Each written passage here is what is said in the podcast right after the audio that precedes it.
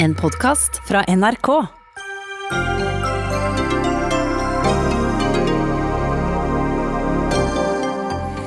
Flertall i granskingsutvalg mener Nav, regjeringen, Stortinget, domstolene og påtalemyndigheten alle har misforstått EØS-reglene, og det siden 1994. Flere Nav-brukere står fortsatt som domfelte, selv om de ikke brøt regelverket. Kongelig kaos og korrupsjonsanklager. Spanias tidligere kong Carlos har gått i eksil. Fullførte ikke studiene for 20 år siden og vil prøve igjen nå, men Lånekassen sier nei til mer støtte. Og foreldre kan ikke forholde seg til tenåringer som om de var babyer, advarer psykologspesialist i Dagsnytt 18.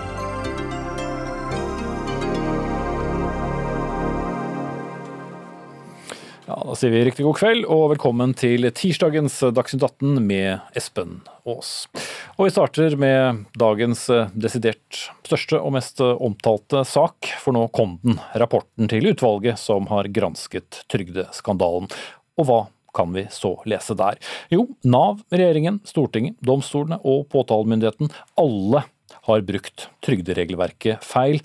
Alle kunne også funnet ut av det før alarmen gikk i fjor. EØS-retten gir nordmenn rett til å reise i EU-land, selv om de mottar arbeidsavklaringspenger, sykepenger og pleiepenger. Men at dette er utgangspunktet, og at ethvert unntak fra dette må begrunnes, har vært en blindsone altså for alle organer og instanser. Og Finn Arnesen, leder av granskingsutvalget, du er også eh, professor i europastudier. Hvordan går det an? Finnes det noe svar på det? At det svikter i så mange institusjoner som vi jo skal kunne stole på? Mm. Det, det, kan man jo absolutt lure på. Vi ser jo at, at det går an. Vi i utvalget, og jeg mener nok at grunnforklaringen ligger rett og slett i at man i allerede tilbake i 1994 da EØS-avtalen trådte i kraft, og i forbindelse med innlemmelsen av EØS-avtalen, så var man klar over at avtalen ville ha betydning for, på trygderettsområdet på noen, for noen spørsmål, men man så ikke implikasjonene av de alminnelige reglene om fri bevegelighet. Og man så ikke at de kunne reise spørsmål. Og det tenker jeg er hele grunnforklaringen. Fraværet av problemorientering, fraværet av diskusjon. Det er den ene delen. Den andre delen av forklaringen eh, får vi i 2012. fordi Frem til da så har det ligget ordentlig i blindsonen. Eh, men i 2012 så kommer denne nye trygdeforordningen, og den tolker man feil. Og det er da Nav først og fremst som har eh, forvalteransvaret for den biten. Mm. Men du, du, jobber jo med europeiske spørsmål selv. Når EU-land som EU-medlemmer implementerer EU-lov i mm. sin lov, Burde det da ikke øh, gått også en bjelle i, i Norge om at selv om ikke vi blir EU-medlem, men EØS-medlem, øh, e at dette også ville endre deler av norsk lov? Jo, og, og den erkjennelsen, det, øh, det, det, så man nok. Men, men dette dreier seg altså Akkurat når det gjelder disse reglene om de fire friheter og betydningen av dem for trygderegler, det krever litt krever det kunnskap og fantasi, egentlig, for, for, for, for, å se. Og det er jo mye å kreve av jurister, selvfølgelig. Men, eh, men, men det er jo eh, bokstavelig talt hundrevis av avgjørelser fra EU-domstolen om disse spørsmålene. Eh, og det, ja, nei, I 94 så var det mye å tenke på. Mens det som jo også hører med her, er jo at da, for, altså da var jo forberedelsen av den nye folketrygdloven, den som ble vedtatt i 97, underveis. Mm. Og i forarbeidene til den loven finner vi ingen ordentlig diskusjon av disse spørsmålene. og Det tenker jeg er en viktig del av forklaringen på hvordan det kunne skje. Så går det jo da over 25 år eh, mm. før det for alvor blir ringt med varselhjelm. Eh, for det var frem til det ingen formelle varsler om at tolkningen av regelverket var galt, men det kom enkeltvarsler, som det står i, i rapporten mm. deres, fra ansatte i departementer, ansatte i Nav ingenting eh, skjedde. Er det likevel da riktig å kalle det en blindsone? Ja, det kan du spørre om.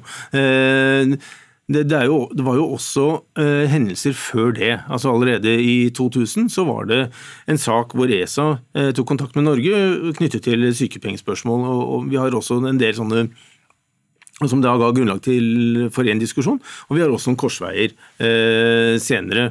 Og om tittelen på utredningen, altså blindsonen, er, er, er, riktig, det vet jeg ikke. Men, men, det er vel litt sånn når du er ute og, og kjører bil, så hvis du ikke sjekker Du vet at det ligger, kan ligge noe der, men du sjekker ikke ordentlig, og, og da smeller det hvis du svinger til høyre og det er en syklist der. Mm.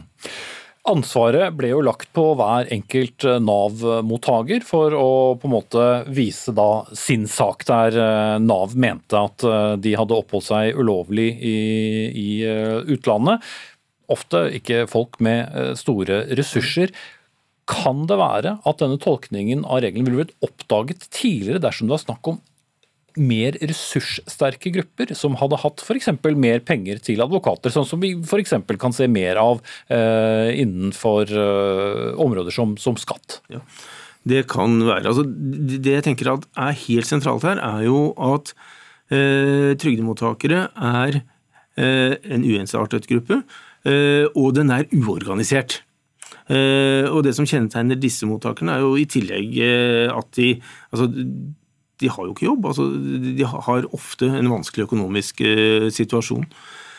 Eh, samtidig så har det jo vært atskillige advokater inni her, uten at det har hjulpet. Mm. Så, så har det jo vært en villet eh, politikk uh, også fra da samtlige regjeringer i denne perioden at uh, folk som mottok midlertidige stønader måtte um, være i Norge inntil de da var ferdig avklart. Kan denne villede politikken fra skiftende regjeringer også ha påvirket forvaltningen av det? Altså, det har jo vært et klart krav i folketrygdloven om at det skal være i Norge. Eh, begrunnelsen for kravet har vært oppfølging av trygdemottaker. Eh, vedkommende skal tilbake i arbeid, og også kontroll med at vilkårene for å få trygden, typisk at du er syk, eh, er til stede. Og så har vi hatt denne trygdeeksportdiskusjonen ved siden av, som, eh, som, har berøringspunkter med dette, men det er ingenting i det vi har sett som indikerer at ønsket om å begrense trygdeeksport har gjort at man har tolket altså man på en måte i gåsehudene bevisst har tolket EØS-reglene feil. Man har trodd at man har gjort alt etter boka, etter EØS-boka, men man har da gjort det feil. Mm. For det har jo vært eh, mange diskusjoner både om den rene trygdeeksporten, men også et økt fokus fra eh, politikere om eh, misbruk av, av trygdesystemer. Så det har jo vært veldig til stede. Men ingen har sånn sett snudd seg og stilt spørsmålet den andre veien om, om dette kunne faktisk være riktig. Men hvis vi skal gå da tilbake til 1994, som jo eh, da flertallet mener, i motsetning til den foreløpige rapporten som kom tidligere mm. i år, hva er det som har endret seg? For sist, så, øh, den foreløpige rapporten, så tenkte man at man ikke trengte å, å, gå så langt tilbake i tid. Da holdt det med 2012. Nå har dere økt ja. dette betraktelig. Det er riktig. Det er, altså, I den første delrapporten, som da gikk bare på jussen, egentlig, dette, så var det et mindretall som mente at vi måtte tilbake til 94, mens flertallet da ikke ville ta stilling. De ville overlate dette til domstolene. Eh, det som har skjedd siden den eh, utredningen ble avgitt, det er at vi har fått en avgjørelse fra EU-domstolen som gjaldt eh, forståelsen av EØS-avtalen, faktisk. Eh, rent konkret gjaldt den spørsmålet om en russer med islandsk statsborgerskap kunne utlevere, som var på Kroatia i ferie, i Kroatia, kunne utleveres til Russland. Og Det EU-domstolen gjør der, er jo å tolke, etablere hvilke rettigheter har denne også islenderen, da, eh, som EØS-borger i, eh, i, Kroatia. Og Han er jo der ikke som økonomisk aktiv, han er ikke der som arbeidstaker, han er der ikke som selvstendig næringsdrivende, han er der som turist. Og det gjør at, eh, og Der mener EU-domstolen da at han har et vern. Og det fikk da to til i utvalget til å skifte, eller til å ta standpunkt, vil jeg si. Mm. Og da med å øke antallet år med hva blir det, 18, så er det snakk om veldig mange flere saker også. Det vet vi jo strengt tatt ikke, Nei. at det er flere saker. Men det er vel grunn til å tro det, ut fra det, det antallet som har vært fra 2012? Samtidig som kontrollen ble intensivert ikke sant, på rundt 2010, eh, noe før det. Eh, slik at man har jo da avdekket kanskje flere ikke sant, i nyere tid enn tilbake fra 94. Da sier jeg takk til deg, Finn Arnesen, som har ledet eh, granskingsutvalget. Eh, og skal få overlate stolen til, til en politiker. Men jeg begynner med statsråden, Torbjørn Røe Isaksen, eh, arbeidsminister fra Høyre. Er det du har fått i dag, en historie der politikere, embetsfolk og jurister alle hadde den samme holdningen til folk, og som gikk på midlertidige stønader? Det tror jeg ikke, men jeg tror det er eller ikke bare tror, det er en historie om at politikere, embetsverk, eh, domstoler, eh, akademia ikke har oppdaget en systematisk feil som har rammet veldig mange enkeltmennesker. Men det har vært mange diskusjoner i Stortinget, i mediene, som ellers eh, også ikke har eh, fanget opp eh, dette, la meg understreke det, om eh, trygdeeksport, som vi snakket om, om misbruk av trygdesystemet. Kan dette fokuset blant dere som er politikere og skiftende regjeringer også ha vært med på å forme holdninger i embetsverket? Nei, det, det altså jeg kan synes om det, jeg tror ikke det. Men jeg tror det viktigste i dag er hva granskingsutvalget peker på. Og De mener jo at dette er, altså de er, de er svært kritiske, eh, og det er riktig, for det er en svært alvorlig sak. Men de mener at dette er ikke noe det er gitt politisk ordre om, verken i 2012 under den forrige rød-grønne regjeringen eller under denne regjeringen. Det er en, en eh, en unnlatelsessynd, en alvorlig svikt, som så har sviktet når man har fått nye sjanser til å gjøre de samme vurderingene en gang til. Men når det er sagt, så er jo utvalget også, eh, som dere var inne på her, har et veldig viktig poeng. Og Du stilte også spørsmål om det, programleder. Hadde det vært det samme hvis dette var en eh, veldig ressurssterk, organisert gruppe? Eh, spekulasjon, selvfølgelig, men nei, jeg tror ikke det. Nei. Fordi at eh, trygdemottakere og de som har vært berørt i denne saken, de har tatt opp hver sin sak for seg. De har riktignok hatt advokathjelp, det har vært mange advokater inne her. Men det har ikke vært organisert, og på den måten så er det også en historie om det store systemet og den lille mann. Mm. Eh, lille mann, eller skal vi si lille kvinne. Eh, Heidi Skjetne, du er med oss eh, fra Bergen. Du kommer fra Askøy kommune da i, i Vestland fylke, som det nå heter. Du ble selv dømt pga. et utenlandsopphold og venter på en avklaring. Hvordan endte du opp med å bli en domfelt? Jeg reiste sammen med familien min til Spania høsten 2012 og der var vi i ett og et halvt år. Og du fikk da en telefon eh, tredje juledag etter Spania-oppholdet ditt? Ja, det gjorde jeg. Det kom som et sjokk, mildt sagt. Den telefonen kom eh, julen 2015 fra Askøy lensmannskontor. Tredje juledag. God jul. Du, eh, denne telefonen må vi ta til deg. Dette vet vi ikke blir noe hyggelig for deg. Men eh, du kommer til å få minst ett år i fengsel. Eller du kan regne med minst ett år i fengsel. Mm. Og bare for å understreke det, Heidi Skjetne. Da du reiste til Spania, hva visste du om hva du kunne gjøre og, og ikke gjøre? Jeg hadde en, da, en aktivitetsplan godkjent av Nav, og eh, drev eh, mitt eget eh, firma der nede hvor jeg hadde enkelte norske kunder. og Da meldte jeg fra på det på meldekortet. For du mottok da arbeidsavklaringspenger. Ja, stemmer. Ehm, du hadde tre barn eh, og måtte gå en ganske hva skal jeg si, spesiell vei for da å slippe å fysisk sone i fengsel. Ja, det stemmer.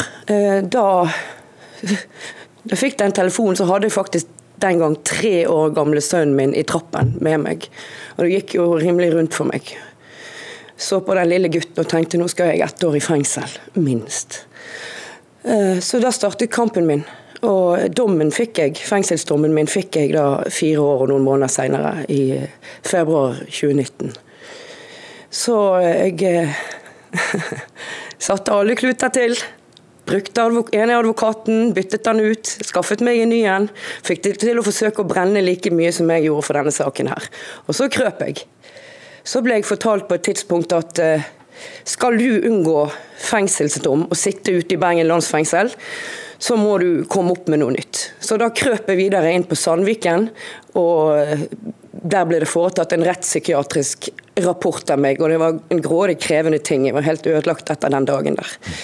Det sto og falt på den, på den, rapporten der, som da konkluderte med ting som på en måte gjorde at jeg slapp å, å, å, å og sone. Ja, Du fikk da en, eh, en betinget uh, dom i stedet. Men du står fortsatt som domfelt, uh, Heidi Skjetne. Når regner du med at den kan bli opphevet? det regnet jeg og mange andre med skulle skje denne måneden i august. Statsadvokaten var i kontakt med meg og uh, min advokat eh, i, senest i juni. Informerte da om at eh, statsadvokaten hadde henstilt til Høyesterett om at dommene fra juni 2012 og senere skulle gå til frikjennelse. Så denne statsadvokaten skrev til oss at vi beklager at dette tar tid, men i august så er du sannsynligvis frikjent. Men du venter fortsatt? Jeg venter fortsatt pga. at Høyesterett bestemte at disse sakene fra 2012 og fremover også skal til høring i EFTA-domstolen. Noe som jeg tenker er veldig rart, med tanke på at vi alle sammen så at det ble gitt en knusende dom i dag, og, og det overhodet ikke finnes noe tvil lenger om at vi fra 2012 og fremover er på den riktige siden. Takk skal du ha, Heidi Skjetne, for eh, din uh, historie.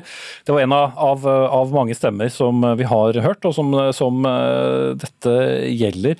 Uh, Tormund Risaksen, vi skal snart debattere dette, men det har jo vært veldig vanskelig å stå imot et så unisont system. For det er jo noe av det mest eh, eh, fortellende i den rapporten er jo at et instans etter instans altså Ingen snudde seg og stilte spørsmål tilbake. Ja, men, men, ikke bare vært vanskelig å stå imot. altså det har jo, Hele systemet har jo vært innrettet på eh, basert på en feil.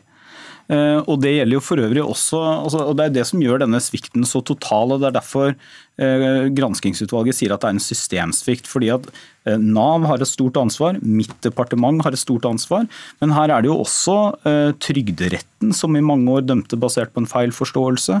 Det er eh, advokater som har bistått. Veldig ytterst få tilfeller har deler av dette blitt problematisert.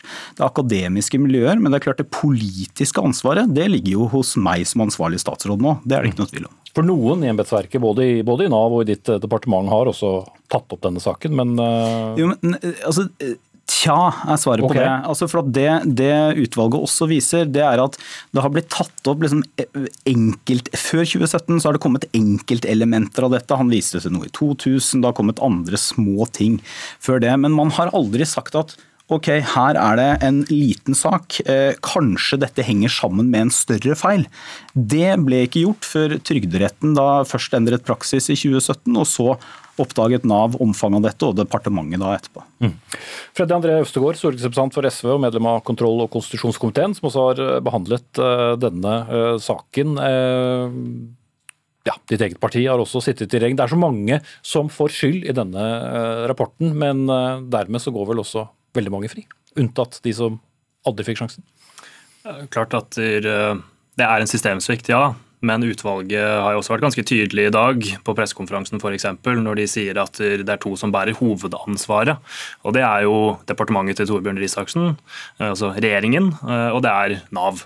Så vi må ikke la det her bli til ansvarspulverisering. Det er eh, veldig viktig. Når vi får en sånn ja, knusende dom da, fra det her utvalget som sier både det at regjeringen ikke har, har klart å hindre justismord, som man kanskje kunne ha gjort hvis man eh, handlet eh, tidligere. Og så må man peke på den klassejustisen som, som vi i SV har vært, vært, opptatt av, nemlig at det er syke mennesker, folk med, med lav inntekt, som særlig har vært, vært ramma av staten. Så vi må trekke mange lærdommer, men vi er jo klart provosert over at det ikke blir tatt ansvar, at det ikke blir tatt konsekvenser, også på toppen, når det her rammer vanlige folk så ekstremt hardt. Men SV har jo også stått på talerstolen i Stortinget og vært bekymret for trygdeeksport eller trygdemisbruk av, av trygdeytelser. Har hele det politiske miljøet vært for opptatt av det? Altså jeg mener det at de politiske signalene uh, som har blitt gitt på at man skal uh, ta folk i stedet for å hjelpe folk, at man skal uh, stramme inn ikke bare gjennom signaler, men også gjennom kutt i, i Nav og på ulike trygdeordninger som, som, AAP, det har jo bidratt inn i hele denne komplekse saken. Det, det har det gjort. og Noe av det mest oppsiktsvekkende i denne eh, rapporten, og det vi har rukket å lese hittil, er kanskje to ting. Det ene er jo at de er så eh, klinkende klare på at eh, alle de kuttene som Nav har blitt utsatt for, så over 400 millioner siden 2015, det har gjort Nav i dårligere stand til å faktisk fange opp problemet og, og avsløre det. Og det andre oppsiktsvekkende er jo de politiske signalene og kanskje den vegringen eh, som har vært eh, selv i regjeringen, eh, altså underveis i saken. Et, et godt eksempel på det er fra, fra, fra januar-februar, hvor, hvor, også statsråden peker på at en praksisendring, og da daværende statsråd, vil kunne være uheldig i lys av regjeringsplattformens formuleringer om trygdeeksport. Det sa altså Anniken Hauglie når dette var i ferd med å rulles opp. Og Det er en ganske alvorlig sak å lese i ettertid. Mm. Ja. Nei, eh, her er det en del ting som, som, jeg mener er nødt til å kommentere. Altså for det første så er det sånn at Utvalget er veldig tydelig på at ja, Nav eh, etter at Nav ble opprettet, og forgjengerne til Nav, men også da det departementet jeg i dag leder og forgjengerne har et hovedansvar. Men det er altså ikke sånn at utvalget Og vi har selvfølgelig altså jeg som sittende statsråd og denne regjeringen har ansvaret for det som skjer i vår periode. Men det er også sånn at uh, utvalget er også veldig klare på at dette har opphav lenger tilbake. Flertallet sier 1994, mindretallet peker på 2012, bare så det er sagt. Men det betyr ikke at det er ansvarspulverisering. Det er mitt ansvar i dag, det er regjeringen som tar dette ansvaret. Og så er det, uh, så er det sånn at det er, Jeg har ikke sett at man direkte går inn og, uh, påpeker dette såkalte ABE-kuttet, men det man sier er at omorganiseringer i Nav, og flere omorganiseringer, Eh, som har pågått også under flere regjeringer, har svekket det sentrale kompetansemiljøet. Og det har gjort at kvalitetskontrollen har blitt for dårlig. Mm. Men eh, samtidig så har man jo slutt, helt til slutt. hele veien. Da. Altså man... Jo, men, altså, men poenget er at dette, dette, er litt viktig. for Hvis vi skal lære av dette, og det må vi, denne saken kommer vi til å følge opp i mange år framover, så er det også riktig at vi, at vi lærer de, helt, eh, altså de riktige og essensielle tingene. Så tror jeg én ting som, er, som står igjen, der utvalget sier ikke klassejustis, det gjør de ikke. Men de sier at Eh, Nav-brukere i møte med det store systemet eller de sier ikke det eller direkte, men det er min tolkning, er ekstra sårbare. Nettopp fordi at de ikke er en organisert gruppe. Eh, og Da er det et ekstra ansvar for det store offentlige systemet at man er så påpasselig som mulig for å sikre at det ikke skjer grove feil. Og I denne, denne saken så har det da skjedd grove feil over mange år. Mm. Og så det sitatet som uh, Øvstegård hadde der fra Anniken Hauglie. Dette er en vanskelig sak sett i lys av plattformens formuleringer om trygdeeksport, ja. altså regjeringsplattformen. Ja. Er dette uheldig? Hva betyr det? Nå, Anniken Hauglie skulle da kanskje kommentert dette selv, men det er også sånn at konklusjonen på den merknaden er jo at praksisen skal endres. Eh, og så kan jeg godt bruke tre minutter hvis jeg får, forklare, for forklare hvorfor ikke praksisendringen da kom før sommeren. Men konklusjonen på merknaden var at juridiske ekspertene i departementet var da enige med Nav, og Nav var enig med Trygderetten. Praksis måtte legges om, men da bare for korte opphold. Og Her ligger litt av feilen som departementet gjorde tidlig i 2019. Mm. Men Øvstegård, kan du se hvem den stemmen skulle ha vært som eh, skulle snudd dette, når det var en praksis som går 26 år tilbake i tid?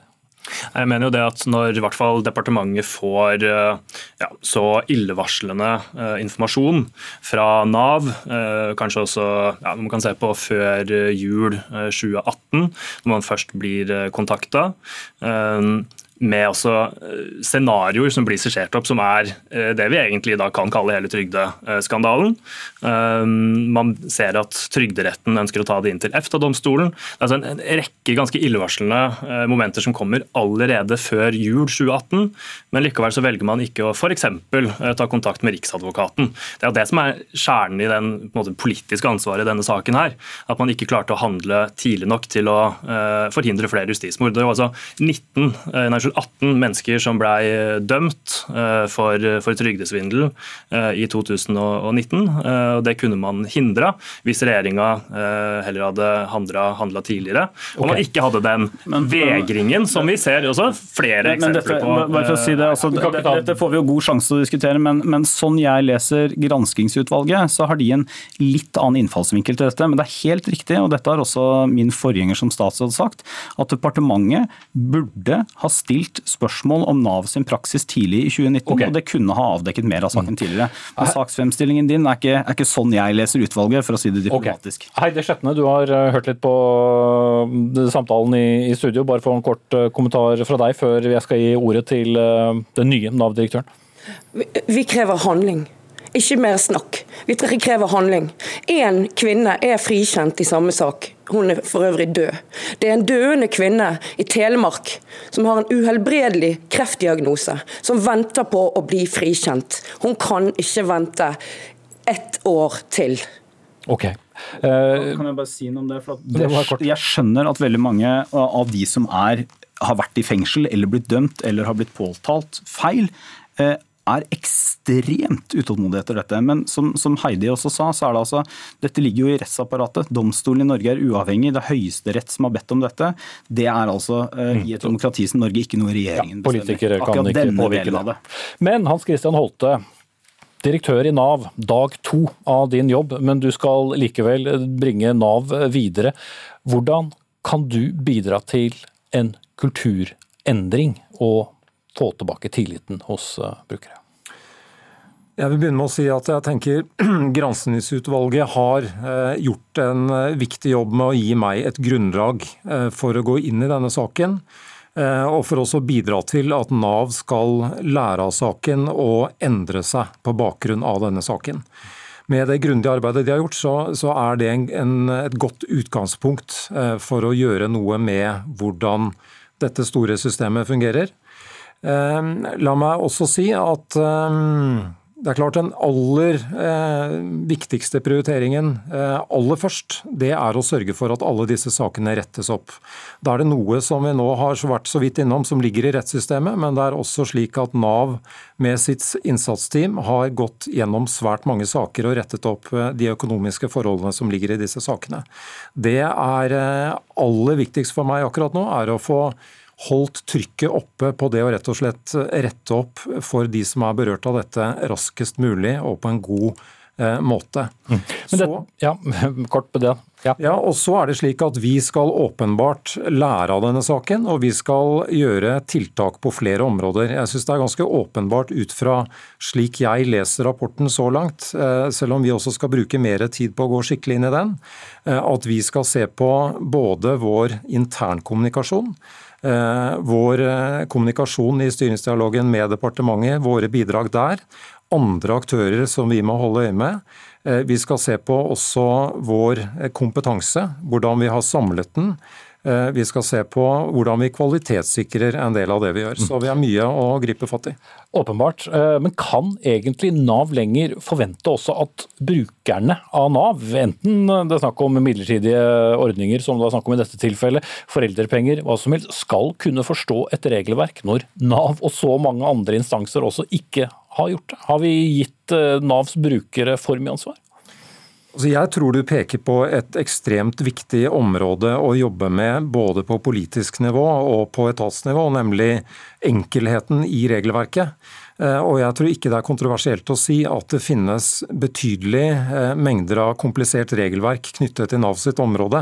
Sånn at det å, å jobbe iherdig med å gjøre dette godt forståelig for, eh, for våre mange brukere og mottakere av ytelse osv., det er det er viktig, eh, og det vil være viktig for meg også å jobbe, jobbe godt med det. Så her tror jeg det dreier seg både om tydelighet, enkelhet i hva det, det vi gjør, og også imøtekommenhet eh, mot våre brukere. Mm. I hvert fall si lykke til på den biten. Hans Christian Holte, ny direktør i Nav. Eh, takk også til arbeidsminister Torbjørn Risaksen fra Høyre og stortingsrepresentant Freddy André Øvstegård fra SV og Heidi Skjetne med oss fra Bergen. Ja, det er komplisert. Trygderegler er altså så komplisert at ingen av landets fremste jurister i regjeringen, forvaltningen, påtalemyndigheten eller domstolen altså klarte å oppdage feilen over så mange år. Men de forventet samtidig, som jeg var inne på nå på slutten, at trygdemottakerne skulle forstå reglene, og dermed endte mange titalls nordmenn opp feilaktig straffet for trygdemisbruk og økonomisk hardt rammet. Ingunn Ikdal, professor i trygderett ved Universitetet i Oslo. Hva forteller denne rapporten deg om trygdemottakernes rettssikkerhet?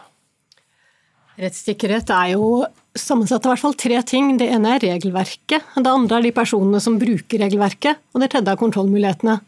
Eh, og Det som er tydelig, som vi nå har visst lenge, er jo at regelverket i seg selv er problematisk. At man har gjennomført Man har liksom slått sammen disse to regelverkene på en måte som gjør at EØS-retten er i praksis usynlig for de fleste. Folketrygdloven gir ingen signaler om at man har rettigheter etter EØS. Og Det gjør jo både at rettsanvenderne blir usikre, altså de har bare rundskrivene å forholde seg til, eh, og det gjør at folk flest har vanskelig for å oppdage eh, den betydningen EØS-retten har. Og litt av et system de da også skal møte for å forsøke å bevise sin uskyld. Ja, så hvem er det da man møter? Da møter man noen saksbehandlere som ikke nødvendigvis er jurister. Eh, hvis de er jurister, så er de spesialister i trygderett, ikke i EØS-rett. Og som sitter med en praksis og en rundskriv som de stoler på at er riktige, men som da viser seg å være feil. Mm. Grete Brochmann, du er professor i sosiologi ved Universitetet i Oslo. Denne rapporten peker jo på omfattende systemsvikt. Ut fra det du har sett og lest og, og hørt i dag, eh, kan du si noe generelt om hvor det gikk galt? Ja, altså, først vil jeg jo si altså, at Alvoret har jo til de grader blitt, eh, blitt understreket. Altså, det, det, var jo noe, noe, man lurte på hvordan ville eh, bli konkludert underveis, men, men den er jo klinkende klar. Eh, og eh, at det er manglende kompetanse eh, som, som, er en viktig årsaksfaktor her, det virker ganske åpenbart. Og i tillegg så virker det jo som om det har vært en overdreven tillit i systemet til at alle andre vet hva de har holdt på med. Så denne, denne institusjonelle korrigeringsevnen har sviktet. Mm. Og det er jo på systemets vegne veldig alvorlig. Men har det også samtidig da det vært en, eh, en mistillit da, til alle som uh, reiste til utlandet, sånn som hun eh, som vi hørte i diskusjonen forut? Uh, jeg syns det er jeg tror det er viktig det som eh, sies nå klart i utredningen, eh, når de snakker om departementet, at lovarbeidet har preg av at det er lagt mer vekt på å hindre trygdeeksport og misbruk enn å klargjøre de rettighetene medlemmene av folketrygden har. Altså at det ligger en skjevhet eh, i systemet, der man først og fremst eh, ser på saken igjen med linse som handler da, nettopp om, om mistillit, om, å, eh, om, et politisk ønske om å stoppe trygdeeksport. Så er det klart det er en tillit innad i systemet. Det ser du særlig tydelig kanskje i Nav, ved at saksbehandlerne ikke begynner å lese EØS-dokumenter, men lener seg på rundskriv og på kollegaer og på fast praksis. Men um, og Så går du da videre gjennom også rettssystemet. Men så er det jo også noe pussig at eh, når saken da kommer til Trygderetten, og Trygderetten første gangen sier at nei, dette kan ikke være riktig juss, eh, så følges ikke det opp av Nav. Eh, og det kan jo være en form for mistillit i systemet. Altså at istedenfor at de innretter seg, eller åpent tar saken videre og får et riktig avklaring fra domstolene, så har man da altså kanskje eh, endret den ene saken, men ikke endret praksis. Så de har altså ikke fulgt kontrollorganene. Ja, for Det virker jo som det vanskeligste her, Brochmann, faktisk oppdage da blindsone, som jo blitt et ord ut fra, fra tittelen på, på, denne rapporten. Men hvordan skal man kunne plutselig finne blindsoner i et regelverk, hvor man jo i utgangspunktet da la norsk trygderett til grunn? Altså det er jo der disse korrigerende elementene i systemet skulle ha, ha kommet inn. Men her har det altså skjedd en, en, prosess der man har hatt selvforsterkende feil over lang tid.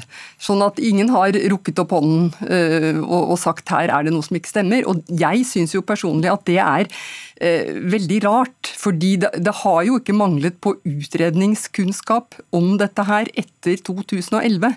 Først kom da den første velferds- og migrasjonsutredningen, som la veldig stor vekt på, på denne tematikken og fikk masse oppmerksomhet i, i, mediene. Og året etterpå kom den såkalte Europautredningen, som har et omfattende og grundig kapittel om trygdekoordinering. Eh, som, som, burde ha gjort at, at noen bjeller hadde begynt å ringe. Mm. Ja, Ikdal, Du er jo selv ekspert på, på rettsområdet. Stiller samme mm. spørsmål til deg. Altså, hva skal til for da å, å avdekke en sånn blindsone? Eh, vi har i hvert fall sett her at det å, å, avdekke det ved å la det være opp til den enkelte Nav-bruker å klage seg gjennom systemet, det er ikke noen farbar vei. Eh, jeg tenker Det grundigste arbeidet vi gjør med regler, er det som foregår i forbindelse med lovprosesser. Og Her har det jo vært flere lovprosesser. altså både med folketrygdloven i 97, men også senere med arbeidsavklaringspengene, eh, hvor dette ikke er tatt opp. Ehm, og Det er jo da jeg tenker at eh, det må ha en betydning hva slags linser man ser på feltet med. Om man starter i dette med hvordan kan vi begrense trygdeeksport, hvordan kan vi fange opp trygdemisbruk. Og dette er jo kanskje byråkratiets sånn evige balansegang. altså De sitter der med en faglig integritet og autoritet, samtidig som de skal hjelpe politikerne å gjennomføre den politiske agendaen som de ønsker, som her i stor grad var den type begrensninger på rettigheter snarere enn å styrke trygdemottakernes stilling. Og det eh, jeg mener at det ligger et tungt ansvar på departementet på å utrede disse spørsmålene. At de må kunne se disse skjæringsfeltene mellom EØS-retten og den praktiske trygderetten. Og de må skrive om dem i proposisjonene, sånn at Stortinget skjønner hva det er de vedtar. Mm. Kanskje slutt, Brochmann. På det. Eh, altså, kunne regjeringen og Navs arbeid med å avdekke trygdemisbruk ha også bidratt da til en, en svakere rettssikkerhet for brukerne? Ja, altså, det, er, det, der, det, får vi aldri vite. Eh, jeg tror også at det er eh, et poeng her eh, med Norges veldig særegne tilknytningsform til EU. Altså, Norge er ikke med i de politiske prosessene der systemene blir etablert. Og det er et veldig kontroversielt politisk tema i Norge. Det er nok også en berøringsangst Eh, i, i, systemet. Jeg tror det også er en del av eh, helheten her. Mm. Takk skal dere ha for å ha gjort oss litt klokere. Grete Brochmann, professor i sosiologi ved Universitetet i Oslo, og Ingunn Ikdal, professor i trygderett ved samme universitet.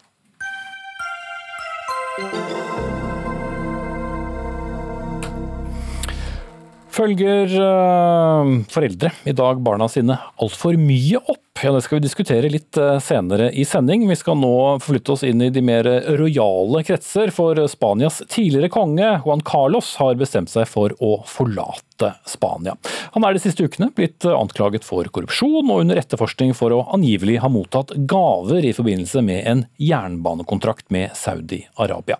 Kong Juan Carlos abdiserte i 2014 og overlot da tronen til sin sønn De, eh, da hadde hans tid ved tronen allerede vært eh, preget av både skandaler og sykdom. Markus Buch, du er førsteamanuensis ved Institutt for samfunnsvitenskap ved Universitetet i Tromsø og ekspert på spansk politikk. Det er altså en korrupsjonssak som spansk høyesterett har åpnet, som førte til den tidligere kongens beslutning om å gå i eh, eksil. Hva slags mistanker er det som henger over kongen her? Ja, Det er mistanker om at han har eh, mottatt eh, private midler i tillegg til eh, den betalingen han har fått fra den spanske staten for å hjelpe til med å sikre kontrakter for Talgo-konsernet, som har fått kontrakter på høyhastighetstog i Saudi-Arabia. Men dette er jo bare toppen av en lang rekke rekke eh, lignende ting som knyttes til eh, gamlekongen Juan Carlos. Ja, og det koker i, i, spanske medier etter at eh, det ble kjent at han rett og slett valgte å gå i, i eksil. Hva er det som dominerer dekningen? Ja, Først og fremst så sier jo alle at dette her er jo en klassisk kongelig brannslukkingsmanøver for å sikre borbongenes plass på tronen i Spania. Men det minner jo litt om slik som man tenkte rundt kongehus på 1800-tallet. Eh, og Juan Carlos er på mange måter en person som har kommet fra eh, den gamle måten å tenke omkring eh, rojale posisjoner og over til moderniteten. Han var utrolig viktig for å innføre demokratiet i Spania. Han ble hentet som tiåring av Franco og skulle opplæres til å overta etter Franco. Han valgte å innføre demokrati og svekke sin makt. Men eh, det var en visse ting fra den gamle tiden som han ikke klarte å kontrollere. Bl.a. Eh, hans eh, amorøse liv og dette med å blande private og offentlige interesser. Hmm. Ja, nettopp det litt amorøse livet spiller jo en viktig rolle her da. Monica Offløy Hansen, du er journalist og har skrevet bl.a. mye kongestoff i ukebladet Hjemmet. Han går i eksil, mens hans kone, dronning Sofia, hun gjorde ikke det. Nei, hun eh, blir. Og eh, det kom en bok for et par år siden, og der ble, ble det antydet, og det er ikke blitt, noen har ikke nektet for det, at eh, de har ikke hatt noe ekteskapelig samliv på, siden midten av 70-tallet. Og hun er høyt respektert. og så hun blir nok en veldig støtte for sin sønn også, og opptrer veldig ofte sammen med ham. Mm. Eh, og som eh, vi hørte eh, tidligere her fra, fra, Tromsø, at det var jo da også Franco som hentet Juan Carlos til sin etterfølger mm. da hans noe brutale styre gikk mot slutten og Juan Carlos ble konge og stabssjef. Men og han har også blitt beskyldt for å, å eh, lefle litt med Francos gamle eh, tankestoff, men eh, det har ikke du vært helt enig Nei, det, det, kan jeg ikke se i det hele tatt. Tvert imot. Han viste seg som en sann demokrat. Nå måtte han jo Han ble jo erklært prins av Spania i 1969. da paret endelig fikk en sønn da, som kunne arve tronen. Og, og han, har ikke, han har nok passet munnen sin og ikke sagt noe forkjært og holdt blikket på tronen. Men eh, etter det så har han vist seg som en sann demokrat, og det så vi også i 81 med dette, da dette kuppforsøket var, hvor han var helt klar og tydelig på at demokratiet skal forsvares. Og det er jo antitesen til Franco. Så Franke Juan Carlos, det syns jeg er eh, urimelig. Mm. Hva sier du, Bukk? Jeg er helt enig. Altså, han har en, en upåklagelig eh, demokratisk legning, og det har han vist hele tiden. Det er mer snakk om at eh, i våre dagers eh, metoo Eh, tankegang, så er hans måte å opptre på i private og offentlige roller veldig gammeldags. Så eh, han satte regimet foran seg sjøl. Han frasa seg veldig mye makt da han eh, åpnet for demokrati. Det er mer de andre sidene som på en måte er, er gammeldagse. Og hans eh, sønn, som nå er konge, eh, opptrer jo på en helt, helt annen måte. Og Juan Carlos har jo forstått dette selv. Han sier det at de som er yngre enn 40 år, de vil bare huske meg som en som var involvert i amorøse skandaler, eh, jaktselskaper og med kofferter fulle av penger. De som er eldre enn 40 år, de vil huske meg som den som innførte demokratiet i Spania, og ikke minst forente monarkiet med demokratiet. Mm. Ja, Ettermælet eh, Monica Offrøy Hansen til eh, denne gamle kongen er eh, kanskje ikke så flott? Nei, han, kanskje han får håpe på at de, de skiller mellom monarken og mannen. Eh, det er flere skandaler som, ja, som dukker inn på. Særlig, det kanskje, det jo liksom, hva handler dette her egentlig om? Den enorme skuffelsen. Og det var jo da i 19, nei, 2012, da han dro på denne elefantjakten med sin elskerinne Corinna Larsen og dette ble kjent. Og da hadde han like før han dro dit, så hadde han jo da sagt jeg får nesten ikke sove med tanke på alle som ikke får jobb her i landet. ikke sant? Og så ble det avslørt at han dro på jakt. Og den enorme skuffelsen der, det jeg tror er mye det, den kommer ikke over, altså. At han var falsk, rett og slett. Mm. Mens kongehuset står eh, fjellstøtt eh, i en del eh, europeiske land, så er det ikke helt det i, i Spania, Markus Buch? Nei, altså er, Kongehuset i Spania er mye mer politisert enn det vi er vant til i sånn som eh, vårt kongehus. Og eh, det er slik at eh, Spania kan deles i to omtrent. De som er monarkister og mener det at monarkiet er den beste styreform uansett. Og så har vi de som da er eh, helt imot. Og Det noen frykter, er at det vil komme en folkeavstemning om monarkiets fremtid. Men da vil samtidig nåværende grunnlov eh, komme under et eh, nytt lys. Og det er det veldig mange som egentlig ikke støtter monarkiet, som er redd for. Så Derfor så støtter også sosialistpartiet i regjeringen Juan Carlos og sier det at det var en klok beslutning at han forlot landet nå. Mm. Og det hjelper kanskje for sønnen Filippe også, som er den som nå er konge, Hansen? Ja, det er klart å få en avstand, det er jo det det helt dreier seg om. Nå har jo kongen forlatt landet. Um, men det kom altså i mars ut en opplysning om at dette fondet gikk Panama. At arvingen til dette fondet er Filippe. Og hvis han viser seg at han visste om dette, da tror jeg det blir vanskelig, altså. Mm. Jeg fant et sitat fra Oscar Wilde før jeg gikk i studio. Vi blir født som konger alle sammen, men de fleste av oss dør i eksil som de fleste konger, som i så fall kan kanskje gjelde for den tidligere spanske kongen. Takk til Monica Offløy Hansen, journalist, og Markus Buch, førsteamanuensis ved Institutt for samfunnsvitenskap ved Universitetet i Tromsø.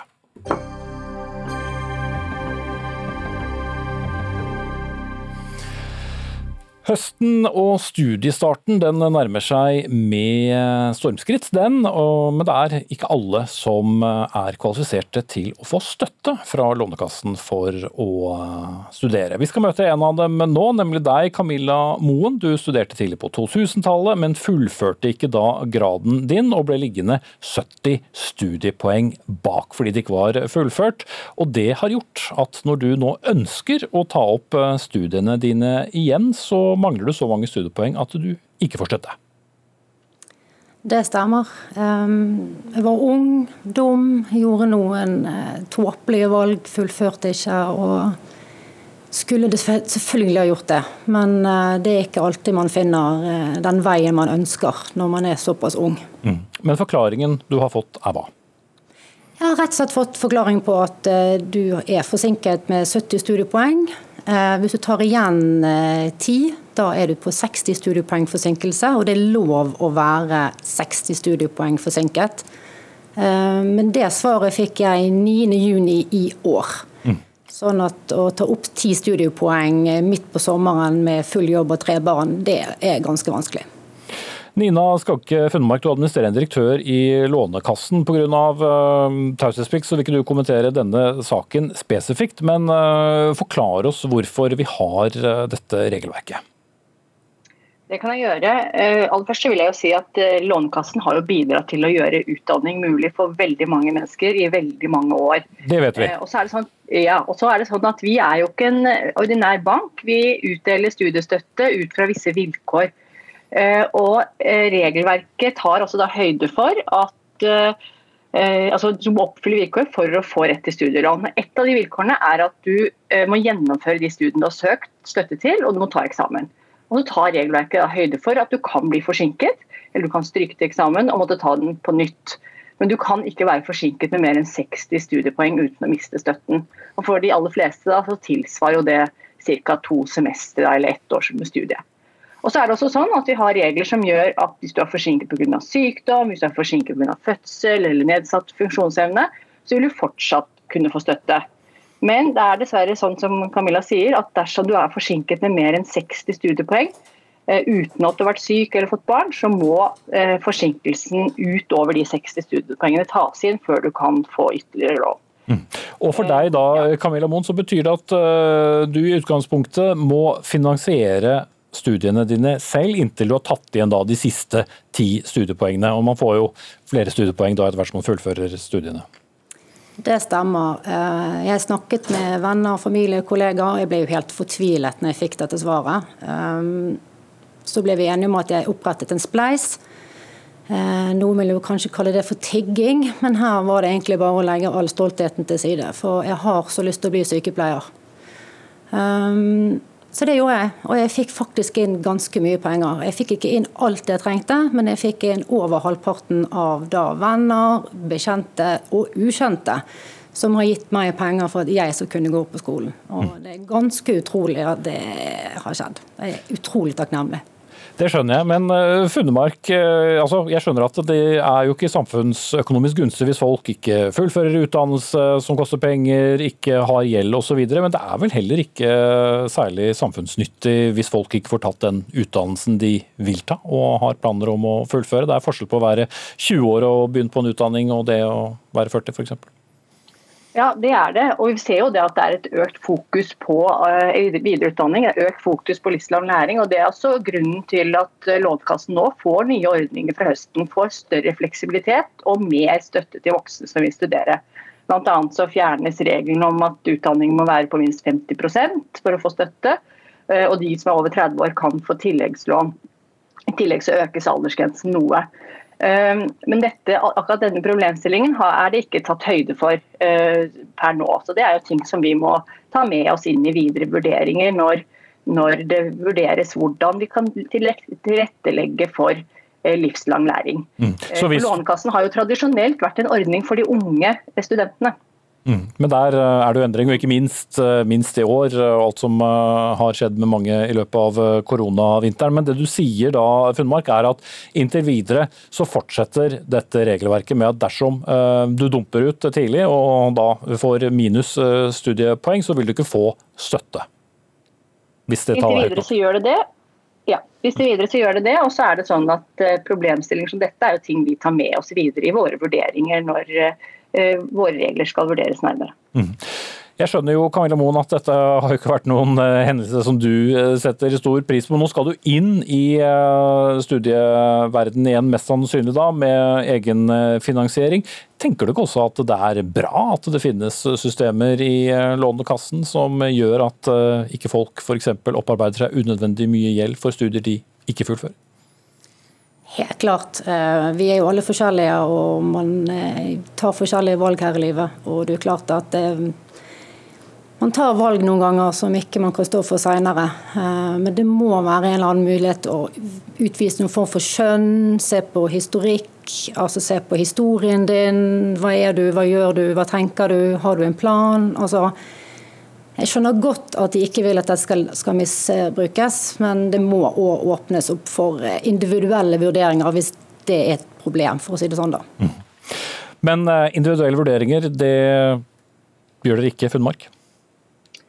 Så vi, vi har 1,2 millioner kunder, flere hundre tusen som er studerende studenter, og det er mange forskjellige livssituasjoner. og Vi tar jo selvfølgelig vurderinger ut fra det regelverket vi har. og Jeg forstår jo at dette oppleves som vanskelig.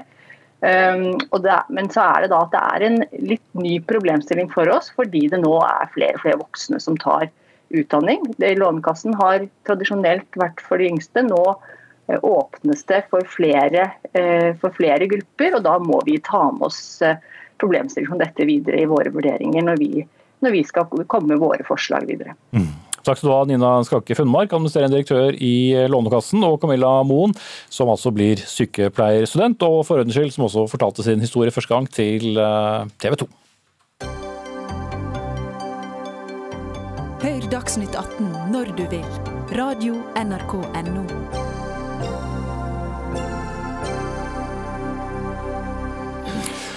Er du som sitter og hører på, eller ser på, en av de foreldrene som har reist land og strand rundt med enorme mengder doruller i bilen for å sikre tenåringens eh, klassetur, og i tillegg også møter opp på alskens treninger for både å eh, fullføre reisingen til og fra, men også for å heie på innsatsen? Vel, kanskje du nå skal puste ut og ta deg en pause? I Aftenposten kunne vi nylig lese at sitat, foreldre forholder seg til tenåringene sine som om de var babyer og vi må våge å oppdra barna. Det var du som skrev dette, Line Marie Warholm. Du er eh, psykologspesialist og forfatter. Har vi blitt for mye tilstedeværende i livene til barna? Ja. Kan man det? ja, og, dette temaet skriver jeg utfyllende om i eh, boken min 'Kule kids' og foreldre som strever med å slippe taket. Eh, mange foreldre i dag er overinvolverte og overbeskyttende overfor ungdommene sine. Vi kan si at det er en slags eh, grenseløs kjærlighet, der det har blitt vanskelig å sette grenser og stille krav.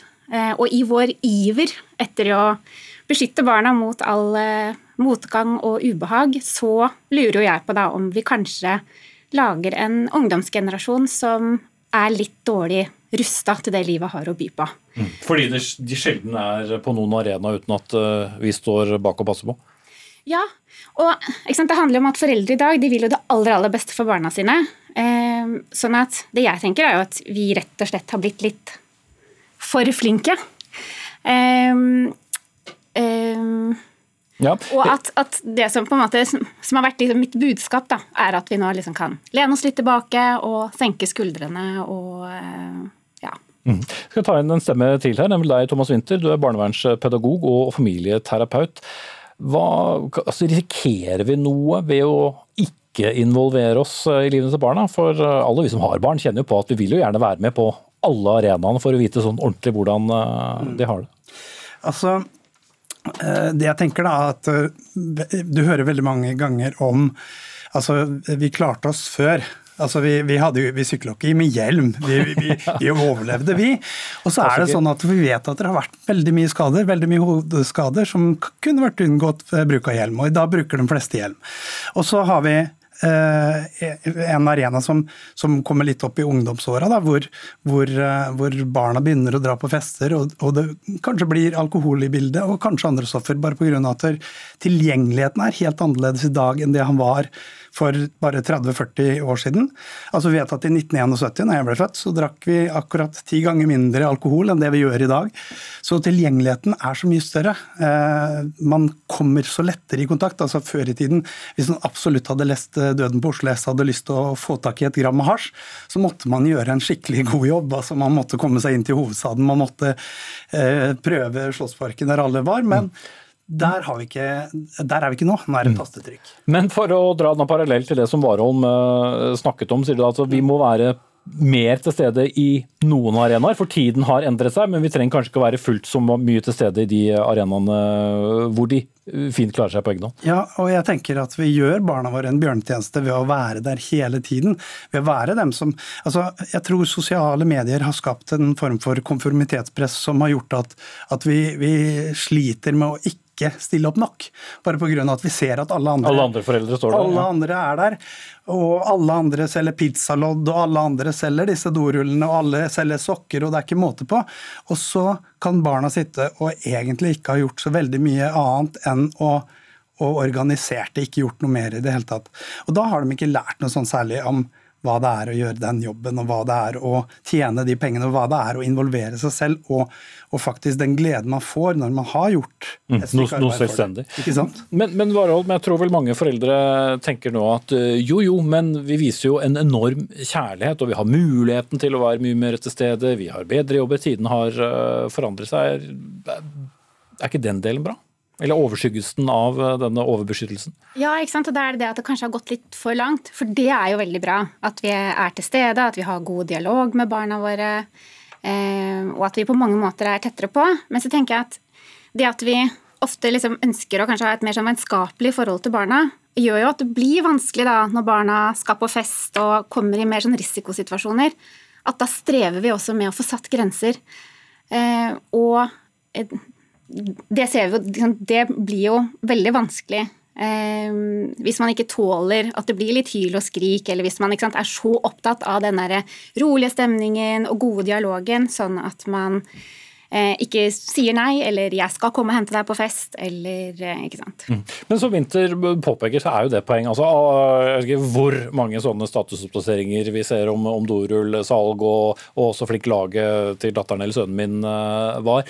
Hva skal mekanismen være for at vi da klarer å trekke oss tilbake? For ingen har jo lyst til å være den forelderen som ikke bryr seg om uh, håndballaget, eller ikke bryr seg om uh, dorullsalget for å reise til uh, Polen. Ja, og akkurat den følelsen, da, den, den følelsen av at det presset utenfra og de andre foreldrene, det kaller jeg i boken min så kaller jeg det for foreldremafiaen. Eh, fordi at jeg tenker at det er en slags sånn følelse av at du får noen represalier hvis du ikke stiller opp på akkurat den måten. Så det er jo det ene. Og det andre som jeg tenker er veldig veldig vanskelig for mange av oss, er jo det at hvis, hvis vi ikke skal gjøre tingene for barna, altså hvis de må gå rundt med de dorullene selv, da, eh, så må jo vi se på at de sliter litt. Altså Det er kanskje ubehagelig, og det er en jobb, og de, liksom, de, syns det er strevsomt. Da. Og da tror jeg at mange av oss får lyst til å hjelpe. Sånn at hvis, Men det kan være en belønning der å se, da, som Elvinter antyder, å se at de faktisk får det til. Ja, ikke sant? Fordi at når vi da eh, ikke lar de få holde på selv, så får de jo heller ikke den store mestringsfølelsen. Og det som jeg tror er det vanskeligste for oss da, er nettopp det at vi må klare å stå i vårt ubehag. Vi må klare å tåle at barna våre har det ubehagelig og kanskje av og til har det vondt, da, uten at vi griper inn og uten at vi blir for raske til å beskytte dem. Og så skal vi jo følge med og være på og sant, ha et blikk, sånn at, at vi kan hjelpe dem når de trenger det. Men det er noe med det når, når er det de kanskje ønsker hjelp, og når er det de trenger det. da, At det er jo ikke så lett å Nei, og det vil jo være forskjellig fra ungdom til ungdom. Når man når pubertet, når man ønsker en form for eh, løsrivelse. Så Ja, Nei, heller du har vel noe fasit her, Ja. Nei, det har jeg ikke. Men det, det som er, er at puberteten er veldig skummel i seg sjøl. Vi, vi vet det at når, når du bikker, altså kommer inn i puberteten, så nesten over natta får du ti ganger mer hormoner bare øsa ned i hodet ditt. Og du fungerer faktisk dårligere enn det du gjorde når du var tolv år og ikke hadde kommet til pubertet. Og du tar de dummeste valga i i ungdomstiden. altså det er, Vi tester mer, vi gjør mer, vi er, vi er mer uforsiktige. altså eh, Risikosport, risikoatferd, den tar vi oftere når vi er eh, hvis, hvis vi ikke har kommet til 45-årsalderen og skal ha det Ferrarien eller sånn. da. Men, men eh, i, den, i den tiden der så er det Jeg, jeg tenker jo egentlig at forebygging er, er mye viktigere. Å, og komme med gode formaninger og, og lære barna hva er det, hvilke feller er det du faktisk kan gå i. Bare for pekefingeren. altså Peder Kjø sa jo det at der, eh, kommer du bare med pekefingeren, så blir det, så blir det øyentjenere. Da gjør vi som du sier når du ser oss, og ikke ellers. Vi får se hvor mange som tør å sende barna ut med disse enorme dorullstablene etter disse formaningene. Takk til Thomas Winther, barnevernspedagog og familieterapeut, og Line Marie Warholm, psykologspesialist og forfatter.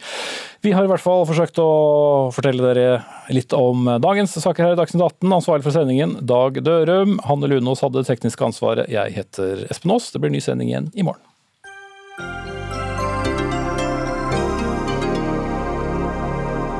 Du har hørt en podkast fra NRK.